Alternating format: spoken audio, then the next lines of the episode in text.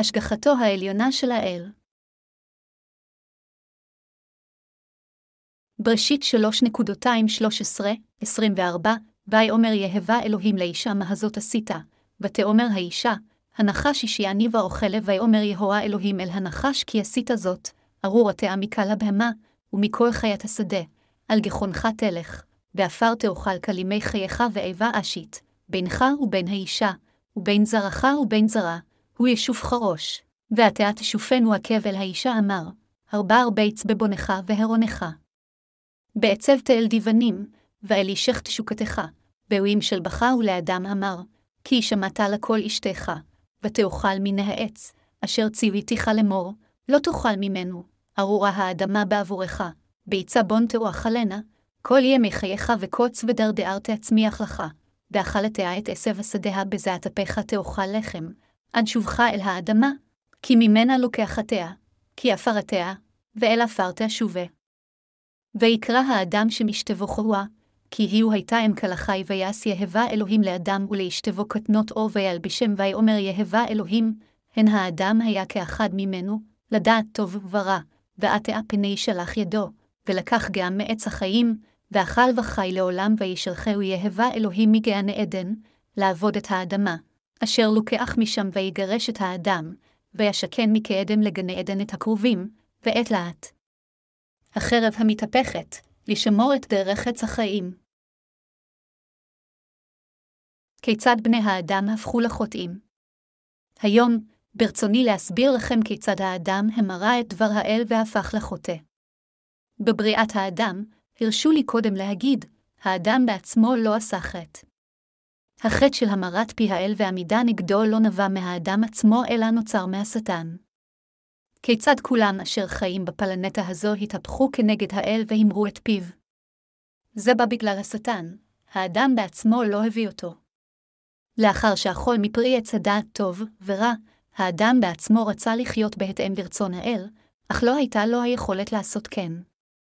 כאשר אלוהים שאל את אדם, מי הגעיד לך, כי ערום ערומתיה, המן העץ, אשר ציוויתיך לביא תיאכל ממנו אכלת האדם ענה בתירוץ ואמר, האישה אשר נתתיה עמדי, היא ונתנה לי מן העץ ואוכל, זה שאדם וחווה נתנו תירוצים לאל מראה את חולשת בני האנוש, וזה גם מראה שבני האדם הם יצורים כה לקויים.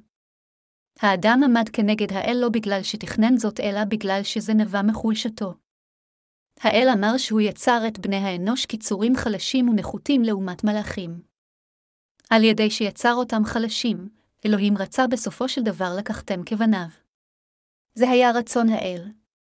לכן התנ"ך מסביר שהאדם עשה את החטא של המרת רצון האל לא בכוונה לעמוד כנגד רצונו, אלא היה זה השטן אשר גרם לאדם להמרות את דבר האל, והשטן הפך אותו לאדם כושל וחוטא וכך גרם לא להיכשל באי-ציות. לאדם לא היה רצון אז מושרש לעמוד כנגד האל מהיום שהוא יצר אותו. כאשר אלוהים אמר בתנ"ך שהוא יצר את בני האדם בצלמו, המשמעות של זה היא שבני האנוש נוצרו כדי שיהיו להם התכונות של האל. הרצון הבסיסי של האדם היה לחיות תחת שלטון האל. לכן, בתחילה לבני האדם לא היה רצון לעמוד כנגד האל. ממש בתחילה, לאדם היו התכונות הקדושות של האל והוא רצה לחיות מבלי להמרות את רצון האל. השאלה כאן, כמובן, היא כיצד האדם כאן הפך לאויב האל בן לילה. הנחש, השטן בעצמו, תכנן את כל המזימה הזו של השלכת האדם לתוך החטא כדי להמרות את האל. השטן הסית את מחשבות האדם לא לחשוש מהאל כמישהו אשר צריך לפחד ממנו. התנ"ך אומר שלאדם לא היה רצון בסיסי לעמוד כנגד האל. חבריי המאמינים, אנו צריכים לתפוס את האמת הזו ולהאמין בה. זהו לא האדם בעצמו אשר במהותו עמד כנגד האל, אך היה זהו השטן, הנחש, אשר גרם לא לעמוד כנגד האל על ידי כך שהוליך אותו שולל. השטן הוא האחד אשר באמצעות כל סוגי השיטות גרם ללב האנשים לא להאמין באל ולעמוד נגדו. לפיכך, כל פעם שאנו עוסקים עם אלה אשר לא נולדו מחדש, עלינו להבין שמכיוון שהם הלכו שולל אחר המניפולציות של השטן, הם החלו להאמין באמונות טיפשיות שכאלו. לכן, חייבים להתגבר על תחבולות השטן באמצעות אמונתנו בדבר האמת הכתובה. הקודמים באמונה בכנסיית האל חייבים ללמד כל אחד עם דבר האל, והם חייבים לשחרר כל אחד מחטאיו. כולנו חייבים לעשות את עבודת הצדק של האל באמונה. שטן, עפר תוקל כל ימי חייך. הבה נפנה אל בראשית שלוש וארבע עשרה דקות מכתב הקודש של היום, ויאמר יהוה אלוהים אלי הנחש כי עשית זאת, ארור התאה מקל הבהמה, ומכל חיית השדה, על גחונך תלך, ועפר תאכל כלימי חייך, היה זה השטן אשר הוביל את האנשים של העולם הזה לקללה, לסבל, להליכה לגיהינום ולהרס. אלוהים אמר שזה אשר הביא קללות לבני האדם הוא הנחש. אלוהים הרשיע את הנחש אשר הוביל את האדם לאי אמונה.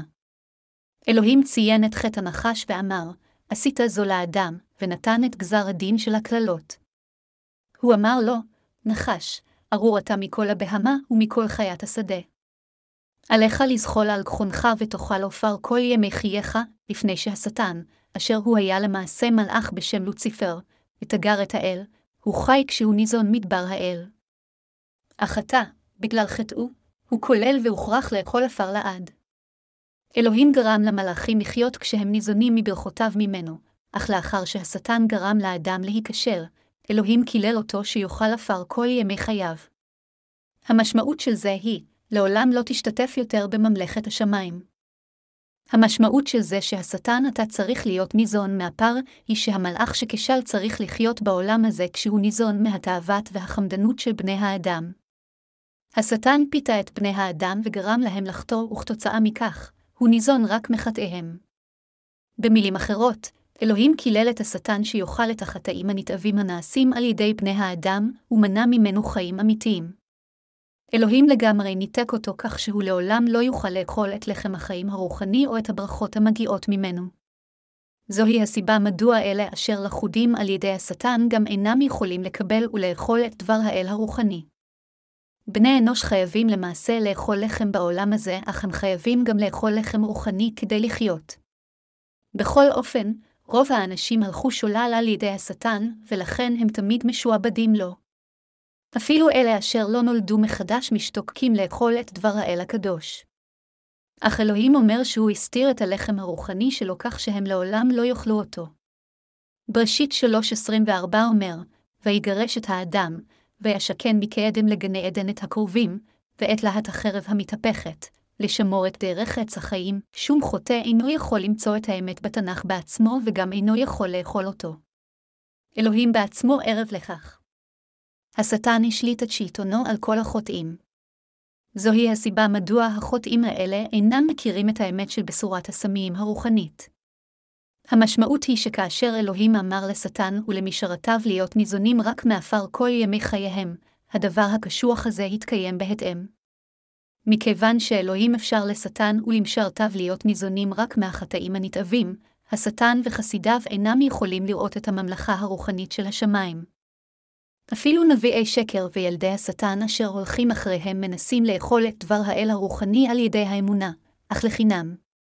בעוד ילדי האל אשר נמצאים בכנסייתו גילו את פשורת המים והרוח, כלומר, האמת של מחילת החטא, מהתנ"ך ולקחו אותה כלחם שלהם, ילדי השטן אינם יכולים לראות אותה למרות שהם מסתכלים עליה ולהקשיב לה למרות שהם שומעים. אף על פי שהם קוראים ספרים נוצרים כה רבים ומקשיבים כה הרבה לקלטות, הם עדיין אינם יכולים לראות ולא לשמוע את המסתורין של האמת, בשורת המים והרוח. זוהי הסיבה מדוע הם אינם מסוגלים להאמין עד עכשיו בבשורה האמיתית. אלה הנשלטים על ידי השטן ניזונים רק מעפר כל ימי חייהם. בתנ"ך, הכוונה בעפר הוא לב האנשים של תשוקות הבשר.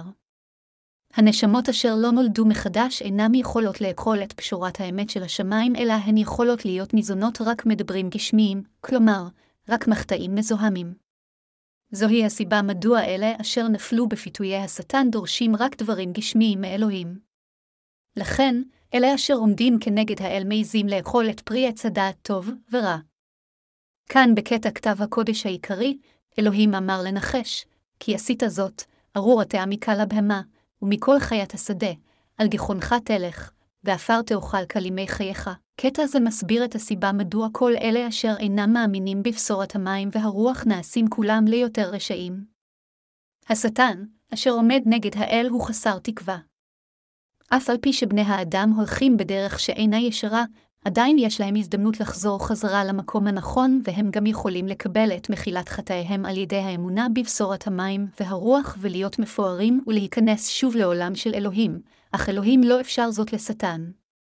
בני האדם יכולים לקבל אישרור מהאל שהם אנשיו ולחיות בעולמו היפה כשהם עושים מה שנכון וזוהי הברכה שלהם, אך לשטן, אלוהים אמר לו שלעד יעשה רע, ומה אם לא זהי קללתו הנצחית. עונש שכזה זה להיות לגמרי מקולל. אלוהים הביא קללה שכזו על השטן. הוא אמר לו, לעולם לא תוכל לעשות טוב. תעשה רק רע לעד ותחייה בסבל נצחי, כן זו הייתה קללה גדולה. מכיוון שהשטן עושה רע בעולם הזה כולם בכדור הארץ, בכל ממלכת היצירה התמלאו ברוע. מכיוון שהשטן עושה תמיד רק דברים רעים בעולם, עולם זה אינו יכול להתחדש. כשהוא נשלט על ידי השטן הרע, בעולם הזה אין שום דבר אשר יכול להשתפר, להפך, הוא רק הופך ליותר רע. זוהי הסיבה מדוע אנשים החיים בעולם הזה הופכים ליותר רעים ואלה אשר פוטו על ידו רק עושים דברים רעים. בעוד שלצדיק יש חיי צדק לחיות, בשביל השטן, הוא ערוך רק לעשות דברים רעים. אויב האל ובני האדם הווה נפנה אל בראשית שלוש וחמש עשרה דקות. אלוהים אשר התאבה בין השטן לבין בני האדם. ואיבה השיטה, בינך ובין האישה, ובין זרעך ובין זרעה, הוא ישופך ראש, ואתה תשופנו עקב, אויבים נלחמים אחד כנגד השני. בני האדם והשטן נלחמים אחד כנגד השני כאויבים, השטן הוא אויב האל והוא גם האויב שלנו, האויב של כל בני האדם. בכל אופן, אין איבה בין בני האדם ואלוהים. בני האנוש הם יצורים אשר אלוהים יצר למען תכלית רצינית. בגלל המלאך שכשל, השטן, בני האדם הפכו לאויבי האל בעולם הזה. כאשר אלוהים יצר בתחילה את המלאך הזה, הוא, גם, לא היה אויב אך מכיוון שהוא אתגר את שלטון האל, הוא הפך לשטן וגרם לבני האדם להיכשל בחטא. אלוהים אמר לשטן שהוא אויב האל. הוא אמר לא להיות גם אויב בני האדם. כך, אם ליבו אשר החליט לעמוד כנגד האל, השטן גורר את בני האדם אשר נוצרו על ידי האל ללכת לגיהינום. מכיוון שהשטן הוא האויב גם של האל וגם של בני האדם, הוא גורר את האנשים לגיהינום, מוליך אותם שולל, ומסית אותם לרוע. השטן מנסה להרוס אותנו בני האדם על ידי מניעה מאיתנו להאמין בדבר האל. זוהי הסיבה מדוע אף אחד אינו צריך להקשיב לדברי השטן. השטן הוא אויב בני האדם. השטן הוא אויב אשר הורס את בני האדם. מכיוון שהשטן הוא האויב של ישוע המשיח וגם של בני האדם, אפילו אתה, הוא מאתגר את האל. אך כאשר השטן והאל נלחמים אחד בשני מי ינצח? אלוהים ינצח, כמובן. הקרב האמתי בעולם הזה זהו הקרב בין אלוהים ובין השטן, ובמרכזו של קרב זה אנו נלחמים נגד השטן לצד אלוהים. כאשר אנו הנולדים מחדש נלחמים נגד השטן, אנו נלחמים על ידי אמונתנו בבשורת האל של המים והרוח. בעוד שאנו בני האדם למעשה לא מהווים יריב שקול בכוחות עצמנו כנגד השטן, אם יש לנו אמונה בבשורת המים והרוח אנו יותר ממסוגלים ללחום ולגבור עליו. הקרב בין אלוהים ובין השטן הוא קרב רוחני. כיצד, אם כן, אלוהים והשטן עורכים מלחמה אחד כנגד השני? אלוהים אמר, בין זרעה הוא ישופך ראש, ואתה תשופנו עקב, המשמעות של זה שאלוהים יילחם ויגבר על השטן עם פשורת המים והרוח. כאן, זרעה, הכוונה היא ישוע המשיח. אלוהים אמר לשטן, אתה תשופנו עקב, כאשר ישוע בא לעולם הזה מגולם בגוף אדם, השטן חשב שכל מה שעליו לעשות זה פשוט להרוג אותו. הוא חשב, אם רק אהרוג אותו, אני אשלוט לעד בעולם הזה, תוכניתו של השטן, בכל אופן, הסתיימה בכישלון מושלם כיוון שישוע המשיח לא רק מת על הצלב, אלא הוא גם קם מהמתים שוב. אז השטן מנסה להשתלט על העולם על ידי פיתוי בני האדם ברמאות, אך בגלל בשורת המים והרוח הוא נכשל שוב. כאשר במקור אלוהים אמר לבני האדם לשלוט בעולם הזה, זו הייתה ברכה שאלוהים אמר זאת לבני האדם. השטן ניסה להשתלט על העולם הזה עם שקרב ולהפוך לאדונו, אך ישוע המשיח בא לעולם הזה כשהוא מגולם בגוף אדם. כך המאמינים בבשורת המים והרוח הופכים למנצחים בקרב שלהם כנגד השטן. כל מה שהשטן השיג זה רק לפגוע לרגע בגופו של ישוע המשיח. השטן החשיב את ישוע רק כאדם. אך מה קרה? ישוע המשיח בא לעולם הזה, הוטבל, מת על הצלב וקם לתחייה מהמתים. באותו רגע שישוע המשיח קם לתחייה מהמתים, השטן הילל בייאוש, הו, אסור היה לי לצלוב את ישוע. הכל נגמר עכשיו. התשלום על החטא שולם עתה. הפסדתי בקרב כנגד האמת. ישוע המשיח ניצח. הוא השלים את הישועה של בני האדם באמצעות טבילתו וצליבתו. אם הוא לא היה בא, הייתי יכול לשלוט בעולם הזה, מכיוון שהתשלום על החטא הוא מוות, אלוהים צריך לשפוט את חטאי בני האדם על פי החוק שלו. זוהי הסיבה מדוע ישוע המשיח הוטבל, החטיף את חטאי העולם ושילם את התשלום שלהם על ידי שהוטבל. חטאי בני האדם מחוסלים רק אם התשלום עליהם משולם, אך מכיוון שישוע המשיח לקח את חטאינו באמצעות הטבילה אשר הוא קיבל מיוחנן המטביל ושפך את דמו למוות, השטן לא יכול לומר דבר יותר על חטאי בני האדם. מכיוון שישוע המשיח לקח את כל חטאי העולם באמצעות טבילתו, היה עליו ללא ספק למות על הצלב. בכישלונו להבין זאת, השטן חשב שעליו רק להרוג אותו. בדיוק כפי שאלוהים אמר, ועתה תשופנו עקב, השטן נכנס ללב האנשים ואמר להם להרוג את ישבעה המשיח. הוא נכנס לתוך לב הפרושים ואז ללב החיילים הרומים ולליבו של פילטוס ואמר להם, תהרגו אותו. פשוט תהרגו אותו, את היהודים, השטן הסית לצלוב את ישוע ואת פילטוס הוא דחק לשכוח האם לקבוע אם ישוע שם או לא ולשטוף את ידיו ופשוט למסור אותו. אז פילטוס לקח מים ושטף את ידיו לפני ההמון ואמר, נקי אני מדם האיש הזה. אתם תראו, מתי 27-24. לאחר מכן הוא מסר את ישוע למוות. המשמעות היא שהוא התעקש על תמימותו, אך למעשה פילטוס נכשל לזהות את ישוע כבן האלוהים והמושיע של כל החוטאים, ובסופו של דבר, הוא הפך לכלי של השטן. על פי המסורת, נטרפה דעתו של פילטוס הפרוקורטור לאחר הוצאתו להורג של ישוע כיוון שמצפונו ייסר אותו על החלטתו. פילטוס אמר לישוע, אלי לא תדבר הלא ידעת כי ישראל ידי לצלבך, וישראל ידי לשלחה, יוחנן תשע עשרה ועשר דקות, אז ישבה הענה ואמר לו, לא הייתה לך רשות עלי לולא ניתנה לך ממעלה לכן אהון המסגיר אותי אליך גדול מעוונך. יוחנן תשע עשרה ואחת עשרה דקות. פילטוס שאל את ישוע, האם אתה הוא מלך היהודים? וישוע ענה לו, אתה אמרת כי מלך אנוכי לזאת נולדתי ולזאת באתי בעולם להעיד לאמת כלאשר הוא מן האמת ישמע בקולי, יוחנן 18:37. בשומעו את זה, פילטוס נאחז פחד. אבל אף על פי שהוא היה מבועת, היהודים המשיכו ללחוץ עליו שיצלוב את ישוע, ואז הוא פשוט העביר אותם ליהודים ולחיילים על פי הערכתו את המצב. השטן הסית אותו ואמר, פשוט הרוג את ישוע. צלוב אותו.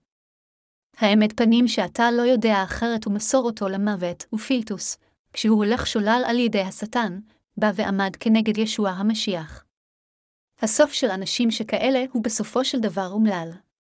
נאמר שגם נירון קיסר סיים את חייו כמשוגע.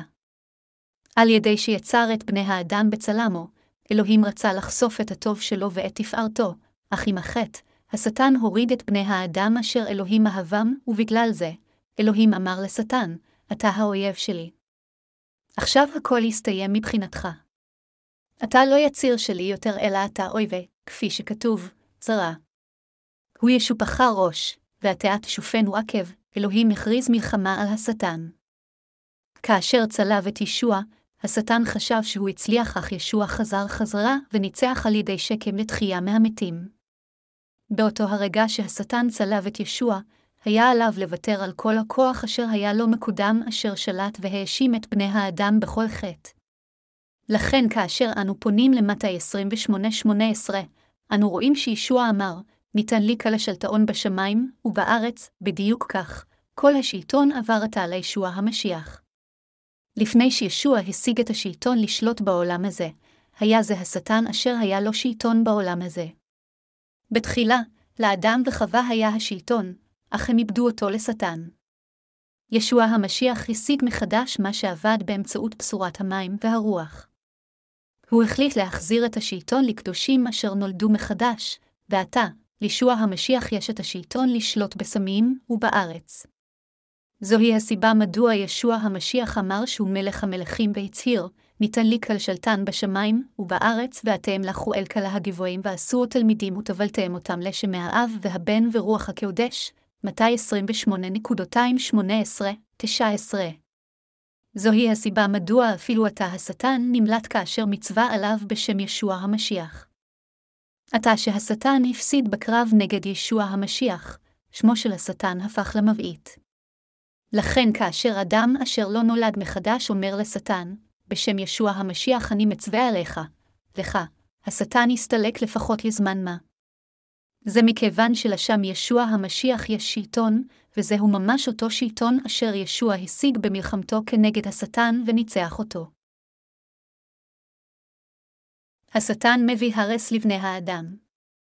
השטן נשף חטא בתוך בני האנוש וגרם להם להיכשל וכאשר הם הפכו לחוטאים, ובסופו של דבר הוביל אותם לעמוד כנגד אלוהים. בכל אופן, עתה השטן הובא לכך שהוא לגמרי קורע ברך ומשתחווה לפני ישוע המשיח ולפני הבשורה. אלוהים אמר שהוא מחכה עד אשר כל אויביו ייכנעו לפני ישוע המשיח תחת רגליו, אל העברים אחת ושלוש עשרה דקות, עד אשר בני האדם יגברו על הדין, אלוהים אפשר לבני האדם לגבור על השטן על ידי האמונה בדברו.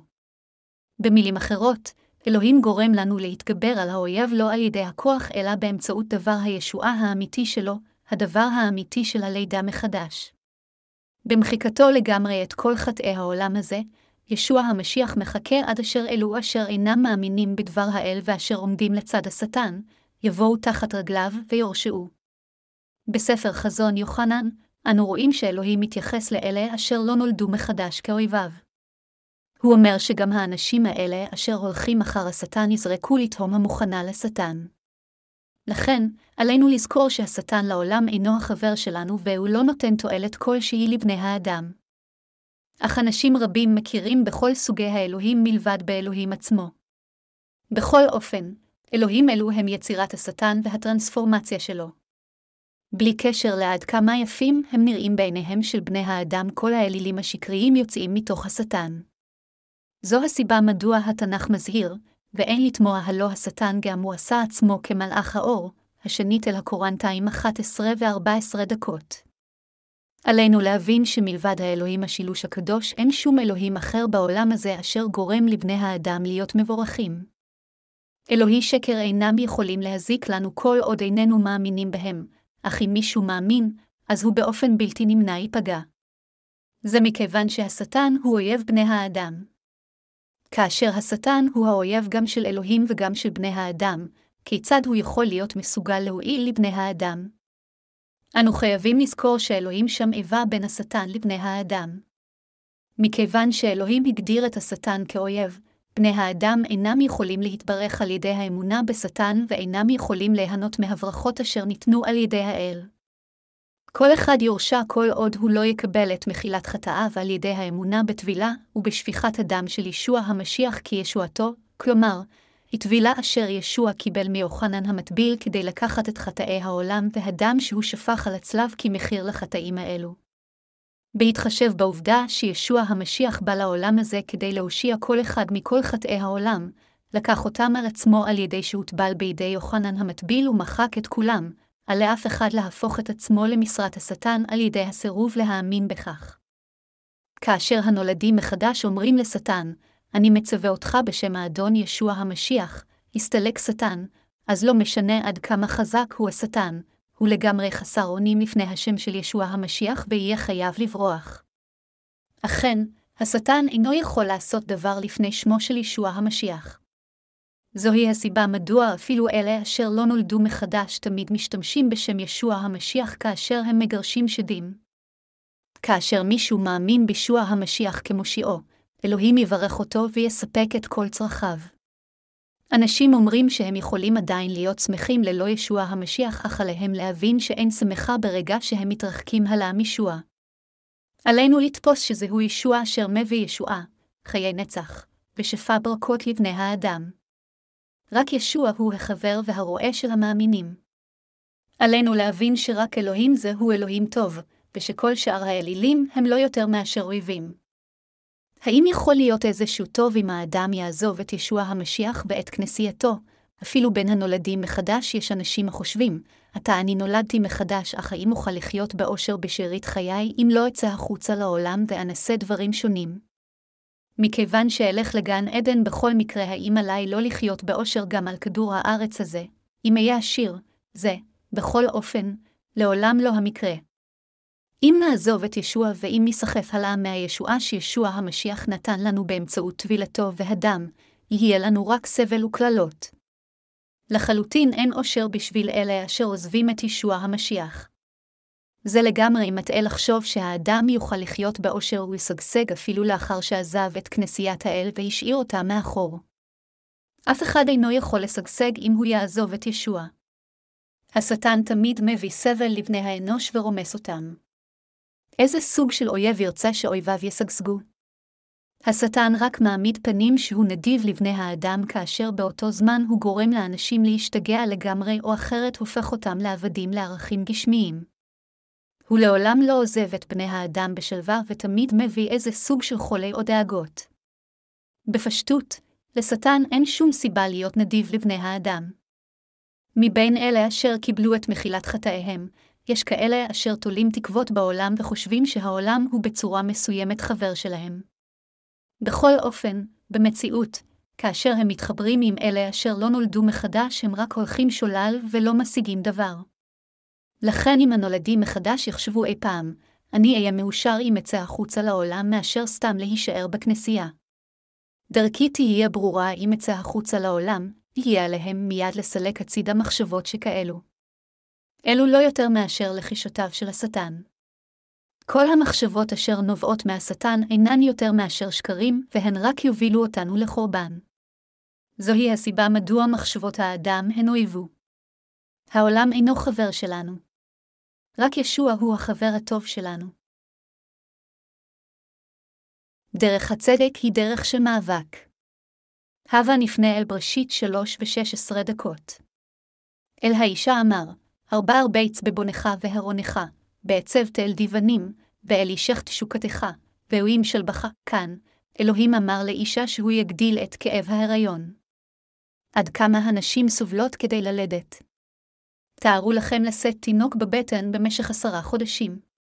לאמה, הילד הוא חמוד כמובן כיוון שהיא יותר ממאושרת לשאת את בנה האהוב, אך הריונה באופן בלתי נמנע מלווה בכאב גדול וסבל, מביתות של התינוק בבטנה ועד בחילות בוקר. אלוהים אמר שרק אם צער של התעברות, האישה תוכל ללדת. הוא גם אמר, ואל אישך תשוקתך, והוא ימשלבך, זהו, גם, עונש שאלוהים נתן לאישה. לאחר הלידה מחדש באמצעות המים והרוח, יש לנו עתה את התשוקה לשרת את צדקת האלוהים ברצון. מכיוון שבליבנו עתה יש מחשבות רוחניות, אנו עושים עבודות רוחניות, וזה לא בגלל שיש לנו במקור לב שכזה. רק כאשר אנו חורשים את השדות של ליבנו המחשבות הרוחניות ניטעות. אם ברצוננו שיהיה לנו לב מבורך וצדיק, אנו חייבים שתהיה לנו אמונה בדבר האמת ולפעול בצדיקות, וזה מצריך מידה מסוימת של סבל ועמל. חיי רוח לעולם אינם מתקיימים ללא עמל כלשהו. זה מצריך מאיתנו ללחום ולהתגבר על מכשולנו על ידי האמונה. כשאנו נשארים בכנסיית האל ובבשורת המים והרוח רק כאשר אנו נאבקים וגוברים על עצמנו, אנו יכולים באמת לעשות עבודות רוחניות ולפעול בצדיקות באמצעות אמונתנו בדבר האמת שלו. לפני אדונינו, אין מקריות. אין רעיון כזה כגון ללכת אחר האל בצורה אוטומטית ולפעול בצדיקות באופן ספונטני. אפילו לאחר הלידה מחדש, אנו עדיין חייבים להיאבק כנגד עצמנו, ללחום נגד האי-צדק, לצאת לקרב נגד העולם, לפתוח במלחמה כנגד כל לימודי השקר של העולם ולגבור בכל המאבקים שלנו. כדי לעשות כן, דבר ישוע המשיח צריך להרות בתוכנו ואנו חייבים להחזיק בדבר האל הזה ולהאמין בו. אף על פי שדבר האל הזה לפעמים מזמן לנו ניסיונות באופן זמני, רק כאשר אנו מאמצים את ישבעה אל ליבנו ואמונתנו גדלה, אנו יכולים לעשות עבודות צדק. אלוהים אומר לנו שביצוע צדיקותו מצריך סבל ולהיות עם לב של צדיקות ועשיית עבודות הרוח גם יוצאים אל הפועל על ידי כאב. עלינו להבין עתה שהליכה אחר ישביה אינה קלה כלל ועלינו להאמין בהתאם. הדרך של הצדיקים היא דרך רוחנית של קרב מתמשך, וזוהי הדרך לביטול עצמי מתמשך. עלינו להבין שזה מצריך סבה להרות את הלב הרוחני. אם בחשאי נטפח לב חומרי, הלב הרוחני לא יוכל לצמוח. לכן, עלינו לשאול את עצמנו האם עלינו למצוא מפלט ביחסים בשמיים במקום להיות מובלים על ידי כנסיית האל כאשר אנו בצרות. למרות שחוקי כנסיית האל אינם נעימים לגופנו, הם ללא ספק מועילים לדרך הרוחנית, ולכן עלינו ללכת אחריהם אפילו שהם כוללים סבל. אז, נוכל באמת להיות זקופים מבחינה רוחנית וללכת בנתיב הנכון. לאחר הסבל הזה הלב הרוחני מזנק החוצה וכוח רוחני נוצר. ילדים רוחניים נולדים בעמל של לידה. עד כמה מייגע זה כאשר אישה יולדת ילד. זה מצריך מאמץ אדיר. ללא מאמץ, אנו צאצאי אדם איננו יכולים להניב ילדים רוחניים. בדיוק כפי שאישה יכולה ללדת תינוק יפהפה רק כאשר היא חווה כאב, כאשר זה נוגע ללידת ילדים רוחניים זה אינו יכול להיות מושג ללא מאמץ וללא כל עמל. כדי ללדת ילדים רוחניים, עלינו לחרוש את שדה ליבנו, לזרוע את הזרע, לנקש את העשבים ולהשקות אותם ללא הרף. כפי שאלוהים אמר, אנו יכולים להניב ילדים רק כאשר נעמול קשה. אין ילד אשר נולד ללא מאמץ. האם אתם מבינים עד כמה עמל אישה צריכה לעמול כדי ללדת ילד מבשרה? באופן כזה, כאשר אנו יולדים ילדים רוחניים, גם עלינו לעבור דרך עמל רב. אתם צריכים להבין שילדים רוחניים נולדים רק בסופו של עמל אדיר וסבל. כך אלוהים קבע את התפתחות הגדילה. שום ילד לעולם לא נולד ללא מאמץ אלא הוא מצריך עמל רב. רק אז החיים האלה יכולים להיוולד ולצמוח בצורה בריאה. הנולדים מחדש הם עתה הקלות של ישוע המשיח וכדי שהקלות ילדו ילדים לחתן, הם חייבות לעמול. מה שאלוהים אמר לחווה נאמר למי אם לא לכם ולי. עלינו לעמול כה קשה כדי ללדת ילדים רוחניים, עלינו באופן קבוע לקרוא את דבר האל, להתפלל, ולהשתמש באמונתנו. לאחר הגאולה שלהם מהחושך, עלינו שוב להאכיל אותם בדבר האל כדי להזין אותם. כדי ללדת ילדים רוחניים, אנו חייבים לעמול והכאב צריך להגיע בעקבותיו. במילים אחרות, איננו יכולים לנסות ללכת אחר ישוע ללא כל כאב אפילו כאשר אנו רוצים ללדת ילדים רוחניים של הבשורה. לאחר זה, אלוהים אמר לחווה שאל בעלה תהיה תשוקתה. לפני נפילתם, זה היה הפוך.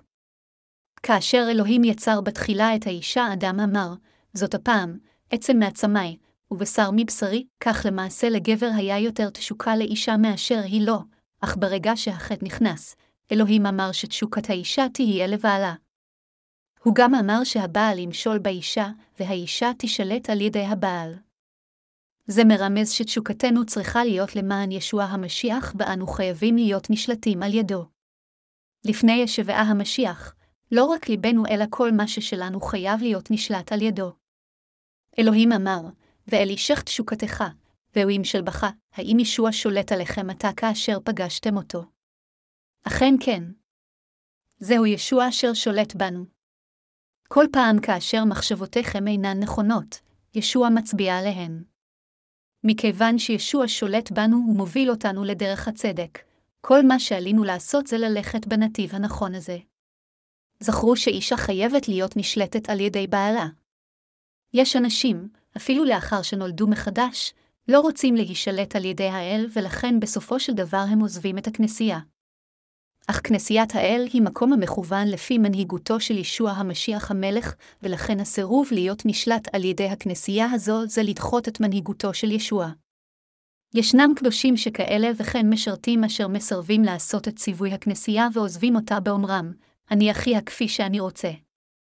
אני רוצה לשנות את סגנון הכנסייה שתתאים לטעמי שלי. האם הכנסייה באמת צריכה לנהוג רק כך? האם היא אינה יכולה לעשות משהו שונה? מדוע שלא נשים פשוט צלב על ראש הכנסייה ופשוט נקבל כל אחד כקדוש? זה מה שברצוני לעשות, אך זהו רוע. אנו חייבים להיות נשלטים על ידי ישוע ולעשות את מה שהוא מצווה אותנו לעשות. מה נכון? להישלט על ידי ישוע או לא להישלט על ידי ישוע? מה עושה אותנו למאושרים ביותר? להיכנע לחוקים של ישוע או לחיות באיזו דרך שאנו מוצאים לנכון לחיות. כאשר הקדושים נשלטים על ידי האל באמצעות משרתיו, הם המאושרים ביותר. אם הם לא יהיו נשלטים על ידי משרתי האל כיצד אחרת הם יוכלו לנהל חיי רוח באופן הולם? משרתי האל, גם, חייבים להיות נשלטים על ידי המנהיגים, משרתים אם ברצונם להיות משרתים טובים. במילים אחרות, כאשר אנו נשלטים על ידי האל, הקדושים מאושררים כאנשי האל והמשרתים מאושררים כמשרתי האל. אלוהים הוא המלך בכנסייה זו ושולט בקביעות בכל משרתיו, בכם ובי באופן דומה. לכן אף אחד בכנסיית האל אינו חופשי לעשות ככל העולה על רוחו. אם האדם הוא חסיד של ישוע, אז הוא לעולם אינו יכול לעשות את כל מה שמשביע את רצונו העצמי או את רצונה. בתחילה, יכול להיות שזה נראה רעיון טוב לא להיות נשלט על ידי אף אחד ולעשות כל מה שהאדם רוצה לעשות באופן שרירותי, אך אם הוא לא יישלט על ידי האל, אז בהמשך הדרך הוא בסופו של דבר יהפוך למפלצת עם חמש עיניים, עשרה פיות ושתי קרניים. אם הנוצרים הנולדים מחדש לא יישלטו על ידי האל, הם יהפכו למפלצות. גם משרתי האל חייבים להיות נשלטים על ידו כיוון שכל מי ששייך לאנשי האל חייב להיות נשלט על ידי ישוע המשיח. כל אחד ואחד מאנשי האל חייב להיות נשלטים על ידי ישוע המשיח בכנסייתו. האם אתם נשלטים על ידי האל? מכיוון שאלוהים שולט בכולנו, אני, גם, נשלט על ידו. נוצרי אשר לא נולד מחדש עושה כל מה שמספק את ליבו או את ליבה. אם הוא באמת מנהל חיי אמונה נוצריים הגונים, הוא ללא ספק נשלט על ידי האל. מצד שני, אחד אשר חסר בעל או חסר רב מבחינה רוחנית, אינו נשלט. מכיוון שנולדנו מחדש מאלוהים באמצעות ישבעה המשיח, אנו יכולים לשרוד רק אם נכניע לחלוטין את עצמנו לשלטונו. כאשר אתם ממשיכים בחייכם בכנסייה, עליכם כבר להחשיב אותם שלאלוהים יש את השלטון עליכם באמצעות הקודמים לכם באמונה. זה, למעשה, כאשר אתם נשלטים על ידי האל אתם המבורכים ביותר. בדרך זו אתם יכולים להוציא החוצה את כל מגרעותיכם ולבוא לפני משרתי האל כפי שהנכם באמת וכאשר תעשו זאת, אתם תנזפו ותהיו נשלטים כדי להיות אנשי אמונה. ככל שתהיו נשלטים יותר, כך אתם תטהרו יותר כמשרתי האל ותגדלו מבחינות רבות. אם לא תהיו נשלטים מספיק, בקושי יהיה כמשהו שהוא טהור או רוחני. זה טוב להיות נשלט לגמרי. אלוהים ברך את הקדושים אשר מוכנים להיות נשלטים. לפיכך, על משרתי האל לא להשאיר את הקדושים בכנסייתו לעשות ככל העולה על רוחם אלא עליהם בקפידה להפעיל את שלטונם הרוחני עליהם. לאחרונה, חלק מאחינו נטו לחשוב ולפעול בכוחות עצמם, אך ברגע שהם הכניעו את עצמם לשלטון האל, ליבם מיד התחדש. אני יכול לאשר מניסיונם שכאשר אנו נשלטים על ידי האל חיי האמונה שלנו, כמו כן חיי היומיום שלנו נעשים שמחים. בניגוד לכך, כאשר הרשע אשר עולה בליבנו אינו נשלט, בעוד שזה נראה נחמד למשך זמן קצר, אנו בסופו של דבר מיוסרים. זוהי הסיבה מדוע עליכם להישלט על ידי האל בכנסייתו. להיות נשלט זו ברכה אמיתית ואלו חיים נאותים לנוצרים כפי שאלוהים אמר, אישך, הוא ישלוט בך. לבוש הצדק של הישועה הנצחית אשר הולבשה אחת ולתמיד. הווה נפנה אל בראשית 3.17-19. ולאדם אמר, כי שמעת לכל אשתך, ותאכל מן העץ, אשר ציוויתיך לאמור, לא תאכל ממנו, ארורה האדמה בעבורך, ביצה בון תאכלנה, כל ימי חייך וקוץ ודרדרת תצמיח לך, ואכלתיה את עשב השדה בזעת אפיך תאכל לחם, עד שובך אל האדמה, כי ממנה לוקחתיה, כי עפרתיה, ואל עפר תשוב. לאחר שאדם וחווה הפרו את דבר האל, כלומר, לאחר שהם נכשלו בחטא, ליבם לגמרי הושחת על ידי רוע. הפסקה, ארורה האדמה בעבורך, משמעותה שלב האדם כולל. זוהי הסיבה מדוע אין שום דבר טוב בליבנו כבני אנוש. עתה, שום דבר טוב לא יכול היה להימצא בליבם של אדם וחווה. ההפך, היה רק רוע, זוהמה ותינופת. אז אלוהים אמר, בעצבון תאכלנה, כל ימי חייך וקוץ ודרדר תצמיח לך, ואכלתיה את עשב השדה, על ידי זה, אלוהים התכוון שלא יהיה שום דבר לאכול מהטבע. עתה, בני האדם צריכים להיות ניזונים מדבר האמת אשר יכול להיות מושג על ידי האמונה רק כאשר חורשים וזורעים את ליבם הנשלט על ידי האל. בהמשיכו להגיד לאדם, בזעת אפיך תאכל לחם, עד שובך אל האדמה, כי ממנה לוקחתיה, כי עפרתיה, ואל עפר תשוב, זה היה העונש אשר ניתן לאדם. כולם חוזרים במותם לאפר. כל מי אשר אינו נפטר מחטאיו מושלך לגיהינום, אך הנולדים מחדש חיים לעד במלכות השמיים כרוחות מבורכות במקום לחזור לאפר. הווה נפנה כאן אל בראשית שלוש עשרים. ויקרא האדם שמשתבו חורק כי היא הייתה אם כלחי, האישה אשר שמה חווה הפכה לאם של כל החיים. בגלל אדם וחווה כולם ירשו חטא. הם הפכו לאב ולאם הקדמונים שלנו ושל כל חי. אם נעקוב אחורה לשושלת היוחסין שלנו, אנו נוכל לראות שאדם וחווה הם הורינו הקדמונים ואנו צאצאיהם. בראשית 3.21 אומר, ויעש יהבה אלוהים לאדם ולאשתבו קטנות אור וילבשם, קוטנות אור כאן הם בגדי אור ובגדי אור אפילו אם הם נשחקים, יכולים להתאפר שוב ולהיעשות מחדש. ישנו הבדל גדול בין קוטנות אור לבין מלבוש מעלי תאנה אשר אדם וחווה עשו לעצמם, בכך שכותנות אור אינן משתנות בקלות ואפילו אם הן נקראות, הן יכולות להתאפר חזרה ולהיעשות שוב שלמות. הבגדים שאדם וחווה עשו בשביל עצמם נעשו מעלי תאנה בעוד המלבושים אשר אלוהים עשה והלביש אותם היו כותנות אור. כותנות אור אלו היו סוג של מלבוש שאינו נקרע בקלות וברגע שלובשים אותו הוא מחזיק מעמד במשך כל החיים. מלבושי עלי התאנה אשר נוצרים על ידי בני האדם, מצד שני, מתייבשים מהר ונקרעים בתוך שלושה ימים בלבד. ברגע שהם נקרעים, אין אפשרות לתפור אותם חזרה וללבוש אותם שוב, אלא חייבים ליצור אותם שוב מכלום מעלי תאנה חדשים. כותנות אור, במילים אחרות, נשארות לאורך זמן בעוד הלבוש שנעשה מעלי תאנה הינו רק זמני. בעוד שכל עלי התאנה האלה נקרעים תוך מספר ימים, כותנות האור, אם האדם מטפל בהם בצורה נאותה במועד, יכולות להישאר במשך כל חייו. במילים אחרות, כותנות האור, כלומר, ישועתנו על ידי ישוע המשיח, לעולם אינה נובלת או נעלמת. אדם לבש את כותונת האור הזו עד ליום בו הוא מת. באופן דומה, כאשר אלוהים שלח את ישוע המשיח ככפרה שלנו כדי לתת לנו ישועה נצחית, מלבוש הישועה הזה לעולם נשאר. ברגע שנלבשת מלבושי הישועה אשר אלוהים עשה והלביש אותנו, הם לעולם לא ייעלמו כל עוד לא נסיר אותם. ישוע המשיח הלביש אותנו עם מלבושי הצדק, וזה הישועה המושלמת שהיא כמו כותנת אור שלעולם לא נקרעת או נשחקת. בניגוד לכך, לבוש על התאנה אשר האדם עושה בעצמו כדי לכסות את בושתו יהיה צריך להיות מוחלף כל שלושה ימים.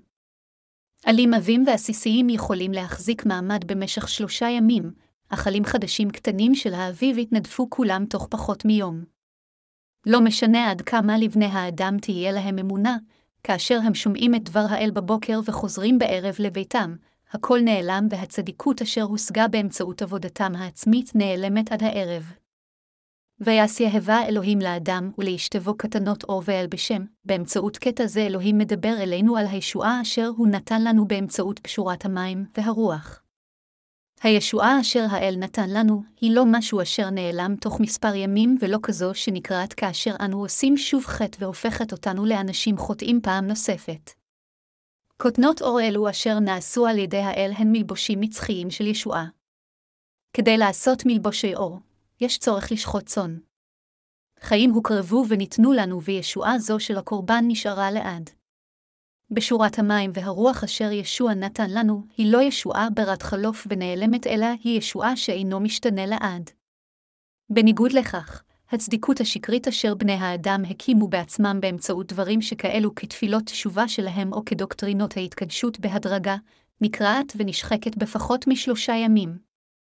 מכיוון שישוע המשיח יצר מלבוש הישועה עם טבילתו והדם בשביל אדם וחווה והלביש אותם עמם, הוא אפשר להם להימנע מלהיות מורשעים לעד על חטאיהם. אלוהים הלביש את אדם וחווה עם מלבושי צדיקותו אשר נעשו מהטבילה והדם של ישוע, ומלבושי ישועה אלו מחזיקים מעמד לנצח, כמו כותונות האור. הבל, גם, עדיין לבש את הכותונת שנעשתה על ידי האל מאור, ולאחר מכן כל צאצאי אדם היו צריכים ללבוש את כותונת האור הזו. לאחר שאדם וחווה נכשלו, בתחילה הם לבשו מלבושים מעלי תאנה, אך רק עד אשר אלוהים עשה והלביש אותם עם כותונות אור. לאחר מכן, אפילו צאצאיהם כולם לבשו כותנות אור. כותנות אור אלו הגנו על גופם. בעוד כותנות האור הגנו עליהם מקוצים, דרדרים וקללות, מלבושי עלי התאנה לא היו יכולים להגן על גופם. במילים אחרות, הישועה אשר אלוהים נתן לנו היא כמו כותנות האור של צדקתו העשויה מהטבילה והדם של ישוע. אלוהים הלביש אותנו עם הישועה שהיא כמו כותנת אור. הוא הלביש אותנו עם צדקתו. צדקת האל לעולם לא נעלמת, ואפילו עתה, כדי שלא נהיה ערומים, היא ממשיכה להלביש את נשמותינו עם מלבושים של צדיקות מושלמת. אלה אשר פעם אחת לבשו את לבוש הצדיקות, כלומר, את הישועה של ישוע, יכולים עדיין לבוא בנוכחות האל באמצעות האמונה אפילו שהם בעלי חסרונות. האפקט של לבישת מלבושי הצדיקות האלו נשאר לעד. מלבושים המיוצרים על ידי האדם כאן, הבה נשווה עוד את מלבושי עלי התאנה ואת קוטנות האור הנראים בפרק 3 בספר בראשית. כאשר אדם וחווה כשלו, הם עשו בגדים מעלי תאנה ולבשו אותם, אך אלוהים עשה והלביש אותם עם כותנות אור לאחר שקילל את השטן אשר הוביל את אדם וחווה לנפילתם. כותנות אלו הושיעו אותם באופן מושלם, שמרו עליהם באופן מושלם והחלו מחדש את יחסיהם עם האל. בעוד אלוהים קילל את אדם על החטא, הוא גם עשה בשבילו כותנת אור כדי שהוא לא יסבול ויעלם בעולם. המשמעות של זה היא שלמרות שאדם גורש מגן עדן, אלוהים עדיין עשה אותו צדיק כדי שימלט מכל חטאיו וקללותיו. בפרק 3 בספר בראשית אלוהים מדבר רבות על אמת הישועה. קודם כל, הוא הבדיל בין אמונה של ישועה לבין אמונה שאינה יכולה להגיע לישועה. התנ"ך מסיק כאן שישועת בני האדם המושגת על ידי מחילה מהחטא היא כותנות האור אשר אלוהים עשה, בעוד הישועה של מעשה ידי אדם היא מלבוש של עלי תאנה. המסר הסופי שלו שהמלבושים אשר נוצרו על ידי האדם מעלי תאנה אינם יכולים להושיע מישהו מחטאו. אם האדם עושה מלבושים מעלים כדי להיוושע מכל חטאיו בכוחות עצמו, יהיה עליו להמשיך לעשות אותם יום כן ויום לא מבלי לנוח כלל. מכיוון שהמלבושים של עלי התאנה יכולים מאוד להישחק או להיקרע תוך יום בלבד, האדם יצטרך להכין מספר רב של מלבושים. בגדים אלו של עלים חייבים להיות מוכנים ללא סוף. האדם חייב להמשיך להכין אותם פעם אחר פעם כיוון שהם לעולם לא יספיקו לו. הוא גם צריך לשנות למלבושים חדשים באופן קבוע, פעמיים ביום, שלוש פעמים ביום או אפילו עשר פעמים ביום ללא סוף באופק. יש אנשים שובבים אשר יצטרכו לשנות לבגדים חדשים עשר פעמים ביום ועדיין זה לא יהיה מספיק. בניגוד לכך, כותנות האור אשר נעשו על ידי האל מחזיקות זמן רב, ברגע שלובשים אותן, האדם אינו צריך להחליף לבגדים חדשים. כותנות אלו מחזיקות מעמד במשך חודש, שנה, שנתיים, שלוש שנים, עשור, לעד, למעשה, וזה מפני שהם לעולם לא יישחקו. כאשר זה נוגע לישועה אשר מחלה על חטאינו כותנות האור הן כה שונות מהבגדים אשר נעשו מעלים. במילים אחרות, הישועה מהחטא שהיא מעשה ידי אדם והישועה אשר נוצרה על ידי האל הם לגמרי שונות. אנשים מאמינים, האדם נושע על ידי העלאת תפילות תשובה ועל ידי היטהרות, והם מתאמצים מאוד להחביא את בושתם על ידי ניהול חיי אמונה. במילים אחרות, הם עושים לובשים מלבושים של ישועה שאינה שלמה באופן קבוע. כותנות האור אשר נעשו על ידי האל, מצד שני, הן מלבושים של ישועה מושלמת אשר הושגה על ידי תשלום מכירה עם החיים של חיית הקורבן, ולכן מכירה הוא שונה. כאשר זה מה שאלוהים אומר בפרק שלוש של בראשית, כיצד בני האדם יכולים להיות כה שחצנים עד כדי כך שהם מהלים את הערך של בגדים חסרי חיים המיוצרים מעלים וטוענים שאנו חייבים להוציא לפועל את הישועה כל יום על ידי היטהרות והעלאת תפילות תשובה. רק מזה, אנו יכולים לראות שהדתיים בעולם הזה הם כולם עיוורים מבחינה רוחנית. למלבושים חסרי המשמעות של עלי תאנה אין כל תועלת, ולא משנה עד כמה אנשים ימשיכו לעשות אותם וללבוש אותם. הם יכולים לעצב תעשיית אופנה כולה של עלי תאנה ככל שהם רוצים, אך האם הם באמת יכולים להיות מסוגלים להסתיר לגמרי את המבושים של הגוף? האם הם יכולים להגן על האור באופן מושלם? כאשר הם יתפסו בקוץ, העלים יקרו והירחיים יאספו, במאמץ הקל ביותר, החולצת פורר והחזה יאסף, לכן עד מתי האנשים באמת יכולים להחביא את חטאיהם עם מלבושי מעשה אדם של תפילות תשובה? כיצד הם יכולים להסתתר? בני האדם מלאים בחטא ובטעויות, הם לא יותר מאשר ערמה של חטא, עושים עבירות על מגירוי הכי קטן ועושים אין ספור טעויות בכל הדרך. כיצד אם כן הם יכולים להסתיר את כל חטאיהם עם תפילות התשובה שלהם? האם אתם חושבים שאתם יכולים לכסות על חטאיכם על ידי חזרה בתשובה כשאתם מסתירים אותם עם מלבושי העלים שלכם? האם אלוהים אמר, אדם וחווה תשטפו את חטאיכם על ידי תפילות תשובה? כמובן שלא. בני האדם פשוט אינם יכולים להסתיר את חטאיהם ממעשיהם שלהם, לא משנה עד כמה הם יתאמצו. בדיוק מסיבה זו אלוהים בעצמו הרג חיה, הפשיט את אורה, עשה מלבושים בשביל אדם וחווה והלביש אותם, ורק אז אדם וחווה יכול להסתיר את מבושם עם כותנות האור האלו. בעל החיים אשר היווה לבאות הוא מי אם לא ישוע בעצמו, אשר בקשה. על ידי האמונה בטבילה של ישוע והקרבתו על הצלב, אנו משיגים את הישועה מחטאים של בני האדם. זוהי הסיבה מדוע הישועה מהחטא אינה מושגת על ידי עבודותינו שלנו, אלא על ידי האמונה בטבילה ובדם של ישוע. כל בני האדם חייבים להבין ולהאמין באמת הזו, בשורת המים והרוח.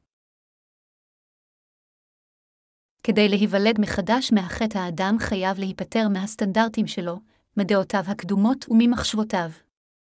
בהלבישו אותנו עם קוטנות אור אלוהים אומר לנו, כל מי אשר יוצר את בגדיו מעלי תאנה ולובש אותם אינו יכול לעולם להיכנס לגן עדן. אלוהים הבהיר שמישהו אשר יש לו איזשהו קשר לחטא אינו יכול לחיות בגן עדן אלא חייב להיות מגורש. עלינו להבין שאלוהים גרש את השטן הגאוותן, ואת בני האדם מגן עדן. כתוב, וישרחהו יהבה אלוהים מגעני עדן, לעבוד את האדמה, אשר לוקח משם. ויגרש את האדם, וישכן מקדם לגני עדן את הקרובים, ואת להט החרב המתהפכת, לשמור את דרך עץ החיים. אלוהים לחלוטין סרב לשים בגן עדן את כל מי שאוכל מעץ הדעת טוב ורע ואשר מגדיר טוב ורע בהתבססות על הסטנדרט העצמי שלו ואשר שופט את האל הכל בכוחות עצמו. אלוהים שם את הקרובים ואת להט החרב כדי לשמור על הדרך לעץ החיים כדי שכל מי שאכל מעץ הדעת טוב ורע לא יהיה מסוגל לחיות בגן עדן. המשמעות של זה היא שאלוהים חסם את הדרך לגן עדן ואסר את הכניסה אליו לזה אשר דבק בסטנדרט העצמי שלו ואינו מאמין בטבילה של ישבעה ובדם צליבתו. אלוהים קבע חוק בצורה כזו שאף אחד אשר דבק בסטנדרטים של עצמו לעולם לא יוכל לבוא ולחיות בגן עדן. עליכם להבין שכל מי אשר שומר על הסטנדרטים שלו מגורש מגן עדן לגיהינום. אלוהים מגרש מגן עדן את אלה אשר הסטנדרטים שלהם הם מחשבותיהם והם לעולם לא יחיו בגן עדן בלי קשר לעד כמה הם יחיו באופן מוסרי, יאמינו באל, ייצרו וילבשו מלבושים מעלי תאנה או אפילו ייצרו וילבשו כותנות אור שעשו בעצמם. אלוהים שם את החרב הלוהטת כדי שתשמור על עץ החיים. במילים אחרות, אלוהים אומר כאן שכל מי שמאמין בישוע המשיח על פי סטנדרט המחשבה שלו תמיד יגורש לגיהינום. לפני האל, אנו חייבים לגרש את הסטנדרט של המחשבות שלנו. גן עדן וגיהינום נקבעים על פי האם האדם יודע ומאמין בדבר האל או לא ומה אלוהים באמת אמר ואלה אשר יאמינו בפשורת המים והרוח יבורכו. לפני דבר האל הזה, האדם חייב להיפטר מהסטנדרטים העצמים שלו. מה אלוהים יהא עשה למען אדם וחברה? מה הוא אמר להם? מה הוא לימד אותם? מה הוא הבטיח להם עם דברו? אלו הן נקודות חשובות אשר חייבות להיענות לנו באופן נכון כדי להיות באמת מבורכים. כל אחד אשר לא נולד מחדש יש לו את הסטנדרטים שלו. כל מי שיש לו סטנדרט של מחשבות משלו הוא בסופו של דבר מגורש מגן עדן, והסיבה הגדולה מדוע אנשים שכאלה אינם יכולים להיוולד מחדש היא בדיוק מפני שהם דבקים בסטנדרטים העצמיים שלהם. אלוהים מסתכל על בני האדם אשר יש להם סטנדרטים משל עצמם כרשעים יותר מכל, והוא אמר שעלו הם אנשים אחוזי דיבוק. התנ"ך אומר, הן האדם היה כאחד ממנו, לדעת טוב ורע, חבריי המאמינים, אם האדם היה יודע בצורה טובה מהו טוב ורע, האם אלוהים לא היה שבע רצון במקום להתרגז. אלוהים לא נפגע כאן מכיוון שהוא בצורה כלשהי נלהב שבני האדם ידעו טוב ורע, אלא אלוהים אמר שזה רע, ולכן אינו מעריך אותם. השיפוט לגבי טוב ורע שמגיע מבני האדם בעצמם אשר יש להם סטנדרט של טוב ורע השונה משל אלוהים הוא רוע. מה שטוב זה ללכת אחר האל על פי רצונו המושלם וללכת על פי הסטנדרט הזה. מה קורה כאשר בני האדם מנסים להיות כמו אלוהים? הם מגורשים. כל אחד חייב לזכור זאת. אף אחד אינו יכול להיכנס למלכות השמיים אם הוא שומר על הסטנדרטים שלו לגבי טוב ורע, אם האדם מפרש את דבר האל על פי מחשבותיו ומאמין בכך על פי הבנתו, אז הוא לעולם לא יוכל להיכנס לגן עדן, ולא משנה עד כמה הוא נוצרי טוב. אלה אשר לא נולדו מחדש הם כולם דבקים בסטנדרטים שלהם. זוהי הסיבה מדוע אף על פי שישנם נוצרים רבים, מעטים למעשה יכולים להיכנס לגן עדן. אלה שמנבאים, שמגרשים שדים ושעושים מפלאות רבות בהתבססות על הסטנדרטים שלהם הם למעשה פועלי אבן ועל חטא זה הם יזנחו על ידי ישוע. כל אחד בעולם חייב לזכור זאת, לקחת את מחשבות האדם כסטנדרט לטוב, ורע זו הדרך להרס. הדרך היחידה לחיים זה להאמין באלוהים המוחלט ובבשורת המים והרוח אשר ניתנה על ידו. רק אלוהים הוא הטוב ביותר, הוא לבד הקדוש ביותר והוא לבד ההוגן ביותר. בסוף פרק 3 של ספר בראשית, אלוהים אומר לנו לגרש את הסטנדרט שלנו לגבי טוב ורע, כלומר, לזרוק את מחשבותינו. הוא אמר לבני האדם שאם ברצונם לחיות בגן עדן הנפלא, עליהם לגרש את הסטנדרט הזה הנקרא המחשבות העצמיות שלהם. אם, מצד שני, הם אינם רוצים לבוא לתוך ממלכת השמיים של האל, אז הוא אומר להם להמשיך לשמור על הסטנדרטים העצמיים שלהם. חבריי המאמינים, אם היינו עושים מלבושים מאור קרנף ולובשים אותם, כיצד זה היה? האם זה היה יותר טוב? לא משנה עד כמה נפלא זה היה, עם כותנות עור שכאלו לא היינו יכולים להיכנס לממלכת האל. אנו חייבים תמיד ללבוש את כותנות האור הספציפיות אשר נעשו מבעלי חיים כגון שא, אז הוא שור אשר אלוהים קבע לנו.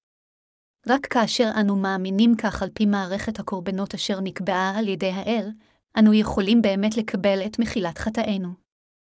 עלינו לגרש הצידה את הסטנדרטים העצמיים שלנו. למרות שיש אנשים רבים בעולם הזה המאמינים בישוע המשיח, רובם אינם יכולים להיכנס לגן עדן. כפי שאלוהים מבהיר לנו כאן בפרק 3 של בראשית, זה בגלל שהאנשים האלה כולם מאמינים בישוע בהתבססות על מחשבותיהם שלהם, הם אינם יכולים להיכנס לגן עדן. עלינו לזכור זאת. כמו כן, כאשר אנו מטיפים את בשורת המים והרוח, אנו חייבים לשבור עם דבר האל את הסטנדרטים של אנשים האלו. הידע המוטעה שלהם חייב להישבר עם דבר האל או אחרת הבשורה לא תוכל להיכנס אליהם. אלו אתם אשר חייבים ללמד אותם את זה. עם דבר האל הזה, אתם חייבים להגיד להם מהו החטא אשר התנ"ך מדבר עליו, מהו הדין אשר כתב הקודש מדבר עליו, מהי ישועה, מהי צדיקות ומה זה להיוולד מחדש. רק אז הם יוכלו להיוולד מחדש. בגלל שלכל אחד יש סטנדרט משלו השונה מהתנ"ך, הוא לא יוכל להיכנס לגן עדן אפילו אם יאמין בישוע, ולכן, עלינו להסביר לו את האמת כדי לאפשר לו להיוושע. בשלושת הפרקים הראשונים של ספר בראשית, אלוהים סיכם את עיקרי כל 66 ספרי כתבי הקודש. העקרונות של חיי אמונה הגונים הם כולם מרומזים כאן בשלושת הפרקים האלו. הוא כתב על כיצד בני האדם הופכים לחוטאים, כיצד הם יכולים לקבל את מחילת חטאיהם ולהיוולד מחדש, כיצד הם יכולים להישלט על ידי האל, כיצד תשוקתם יכולה להיות למען האל, וכיצד עליהם להניב ילדים רוחניים בעמל. כל הדברים האלו התקיימו על ידי האל על פי מה שהוא תכנן מראש בפרק שלוש של בראשית. הווה כולנו נאמין בישועה אשר תוכנה על ידי האל והתקיימה באמצעות בשורתו, בשורת המים והרוח, והבה כולנו נקבל כך חיי נצח.